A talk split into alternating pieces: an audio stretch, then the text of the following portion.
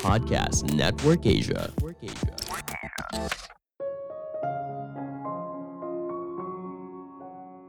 Pikiran positif akan menarik banyak hal positif dalam hidup. Halo semuanya, nama saya Michael. Selamat datang di channel saya, Sikutu Buku. Kali ini saya akan bahas buku Good Vibes, Good Life karya Fax King. Sebagai informasi, podcast Sikutu Buku sekarang bergabung dengan Podcast Network Asia dan Podmetrics loh. Sebelum kita mulai, buat kalian yang mau support channel ini agar terus berkarya, caranya gampang banget. Kalian cukup klik subscribe dan nyalakan loncengnya. Dukungan kalian membantu banget supaya kita bisa rutin posting dan bersama-sama belajar di channel ini. Buku ini membahas bagaimana rasa cinta terhadap diri sendiri dapat membantu kamu mencapai hasil yang luar biasa dalam hidup. Fax berargumen, dunia ini terdiri dari sebuah getaran dan energi yang kita pancarkan, entah itu positif atau negatif. Selanjutnya, alam semesta akan mengembalikannya kepada kita. Interaksi antara kita dan alam semesta inilah yang lalu menciptakan realitas yang kita jalani sekarang. Melalui rasa cinta terhadap diri sendiri, kita akan belajar bagaimana untuk menggunakan energi positif untuk mencapai apa yang kita inginkan dalam hidup. Saya merangkumnya menjadi tiga hal penting dari buku ini. Pertama, pentingnya rasa cinta terhadap diri sendiri. Apa itu self-love? Setiap orang punya definisi sendiri apa arti dibalik rasa cinta terhadap diri sendiri. Namun ada pandangan yang menarik dari facts Rasa cinta terhadap diri sendiri adalah keseimbangan antara menerima dirimu saat ini, namun kamu sadar kalau kamu berhak untuk menjadi pribadi yang lebih baik dan bekerja keras untuk mewujudkannya. Saya rasa ini adalah definisi yang menarik. Banyak orang mengartikan kalau kamu mencintai dirimu sendiri, maka kamu tidak perlu berubah.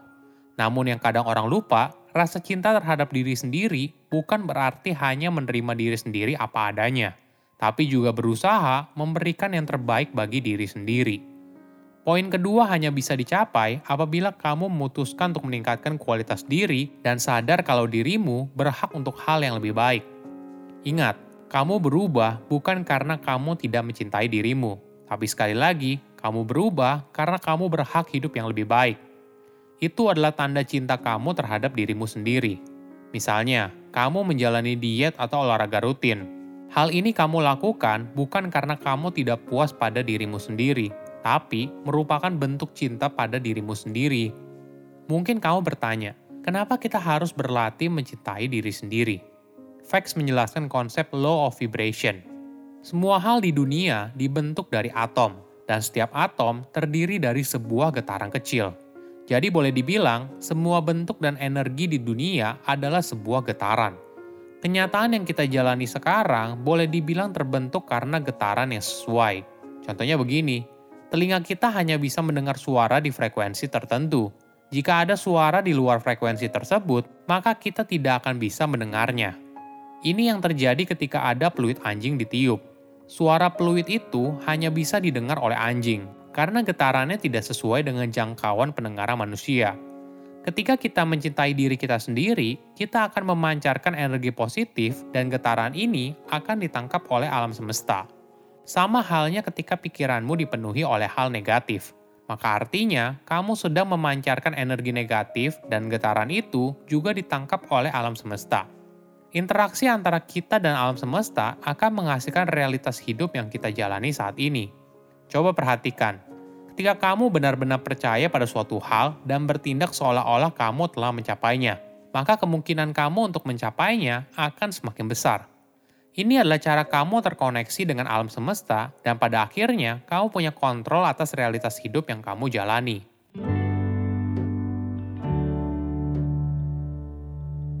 Kedua, menciptakan getaran positif. Ada fakta yang menarik Good vibes dalam bahasa Inggris merupakan frase informal untuk perasaan positif yang dipancarkan oleh seorang, tempat, atau situasi tertentu. Good vibes sendiri merupakan singkatan dari good vibration. Hal ini berarti ketika kita dalam keadaan yang bahagia, maka kita sedang merasakan getaran yang lebih tinggi. Perasaan sukacita, cinta, dan kegembiraan adalah beberapa contoh perasaan yang memiliki getaran tinggi. Sebaliknya, Perasaan seperti benci, marah, dan putus asa merupakan perasaan yang memiliki getaran rendah. Ketika kita merasakan good vibes, maka kita cenderung melihat hidup dengan lebih positif. Getaran ini lalu memberikan sinyal kepada alam semesta untuk membalas getaran tersebut dengan getaran yang sama. Hingga akhirnya, kita akan merasakan hal yang bahagia terus-menerus. Ada banyak cara untuk bisa menaikkan getaran kita menjadi getaran yang tinggi. Kita bisa memulainya dengan mengubah keadaan emosional saat berada dalam situasi tertentu. Misalnya, jika kamu sedang kesal sehabis bertengkar, kamu mungkin dapat mengubah keadaan emosional kamu dengan melakukan kegiatan yang menyenangkan. Pergi jalan-jalan dengan teman, mendengarkan musik, menonton film, dan sebagainya. Kegiatan ini mungkin bisa membuat kamu bahagia sementara waktu, tapi tidak memberikan efek panjang. Di sisi lain, mungkin kamu bisa berlatih untuk lebih sadar menyadari setiap perasaan yang muncul dan tenggelam. Latihan ini akan membuat kamu lebih menyadari apa yang kamu rasakan dan melihat sebuah keadaan dengan lebih jernih. Ada tips lain yang menarik. Pernah nggak ketika kamu sedang sedih, lalu kamu pergi main dengan beberapa temanmu? Apakah hal ini membuat pikiran kamu lebih segar? Jika iya, hal ini disebabkan kamu berada di dalam lingkungan dengan getaran tinggi. Kamu menyerap getaran tersebut sehingga getaran awal yang rendah menjadi getaran yang tinggi. Contoh lain, apakah kamu pernah bertemu orang baru, tapi kamu merasakan ada yang kurang pas? Kamu mungkin tidak bisa menjelaskan apa yang kamu rasakan, kamu hanya bilang bad vibes. Ini yang terjadi ketika kamu tidak menemukan getaran yang cocok. Ketika kamu dikelilingi oleh orang yang positif, maka energi ini akan menular. Fax bercerita kalau dirinya sendiri sering kali mengubah keadaan emosionalnya ketika dikelilingi orang yang positif. Bukan hanya itu, Orang yang positif akan membantu kamu melihat masalah dari sudut pandang yang lebih optimis.